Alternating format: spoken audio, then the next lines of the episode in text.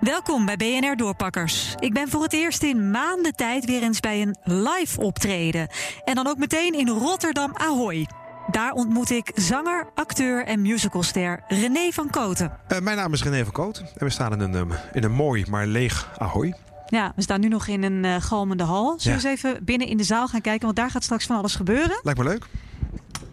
Oeh, heel stil.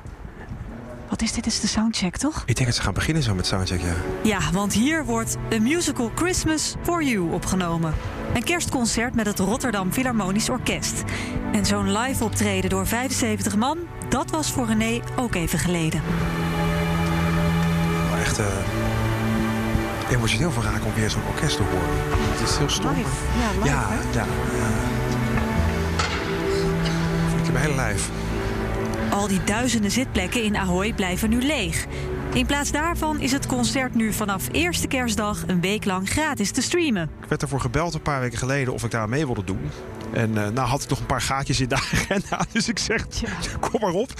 En nee, ja, nee, dat is te gek. Het is sowieso te gek. Ik heb een paar geleden met ze mogen optreden in de Doelen uh, voor, uh, voor drie keer 2000 man.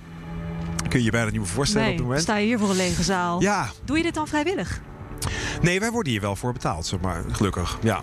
En is dat dan een vriendenprijs? Of? Zij kwamen gewoon met een, uh, met, een, met, een, met een tarief wat ze ervoor hebben. En uh, daar, heb, ja, dit, dit, daar heb ik gewoon de gelijk ja op gezegd. Ja. Kijk, dit, dit het is niet wat je normaal krijgt. Uh, nou, dat, het komt wel aardig in de buurt. het is wel een van de weinige klussen waarbij dat zo is. Ja, kijk, op dit moment is het gewoon in, in, in ons vak niet dat je, dat je een hele grote onderhandelingsruimte hebt. Dit inkomen kan René wel goed gebruiken. Dit zou mijn, mijn topjaar geweest zijn, ondernemer. Nou, ik had, ik, want ik had het jaar daarvoor best een pittig jaar gehad. Omdat uh, mijn vrouw toen heel ziek was geworden. En die ja. kleine van ons, uh, de jongste, veel te vroeg geboren was. Dus het was veel dingen afzeggen. Veel interen op, op wat kleine eerste reserves, zeg maar.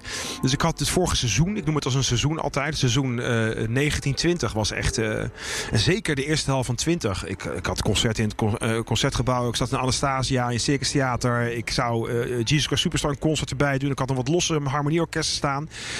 Dat ging voor de zomer natuurlijk allemaal plat. Ja, ik heb daar volgens mij ik heb het uitgegeven een keer dat meer dan 50.000 euro uh, uh, niet, niet verdiend wat ik wel had verdiend eigenlijk. Wat wel ja. in, de, in de dingen stond al als geboekt. De grote klussen vielen weg. Dus moest hij creatief op zoek naar nieuwe inkomsten. In de eerste golf merkte ik dat er op een gegeven moment naar de zomer toe in juli toe kwamen er hadden heel veel gemeentes hadden van die kleine fondsjes zeg maar. Dus ik, ik had op een gegeven moment een, een bevriende muzikant die uh, Jeroen Gevers die belde vanuit Rosmalen en die had van de gemeente Portje gekregen en die, wilde, die woonde aan een soort meertje met En die zei van ja, ik ga een vlondertuinenfestival doen. Dus op, dan speel je op de vlonder in de tuin.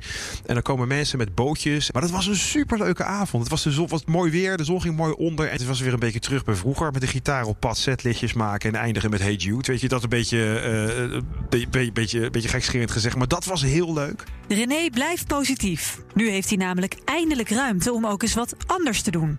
Zo is hij voor de grap maaltijden gaan rondbrengen. En voor een klein bedrag zong hij er ook een verzoeknummer bij voor de klant. En het mooie daaraan vond ik dat doordat je voor die deur stond met mensen, dat je echt bij verschillende mensen, je kreeg allemaal verhaal, iedereen zijn verhaal vertellen over het afgelopen jaar. Ik stond bij mensen, ja, dat liedje, ja, ik heb mijn kleinkinderen of mijn kinderen al een half jaar niet geknuffeld en weet ik het wat. Ja. Dus het, het, werd ook heel. Uh, heel invoerbaar allemaal. Dat vond, ik, dat vond ik heel bijzonder. Terwijl dat iets is waar je ja, als ondernemer van zou zeggen...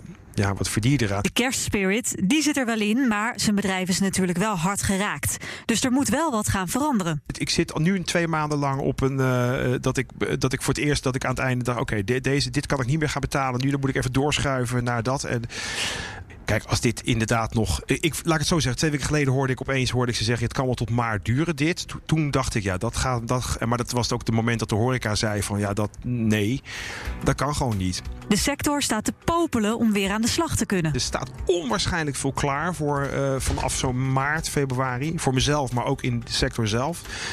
Er zijn heel veel plannen van mensen om toch weer dingen te gaan maken en te doen. Ja. Ook binnen de anderhalve meter geproduceerd en zo. Dus ik, ja, ik hoop gewoon dat we er snel een beetje weer doorheen komen met z'n allen. Ja. En als René dan terugkijkt op 2020? Ik moet zeggen, als, als uh, uh, financieel pijnlijk, maar ook wel de mogelijkheden geboden hebbend om dingen te doen waar je normaal misschien niet naartoe zou komen. Het heeft me ook alweer verbreed in contacten en mensen met wie ik normaal, uh, als je in een grote productie zit en zeven, acht keer in de week speelt, zes dagen, dan kom je, dan beperkt dat ook heel erg. Zit je ook in een tunnel. Ik heb heel veel contacten opgedaan met mensen waar je anders niet voor geen tijd voor had. Dit was Doorpakkers voor vandaag. Ik blijf nog even zitten op mijn stoeltje in Ahoy om gewoon even te doen alsof er helemaal niks aan de hand is.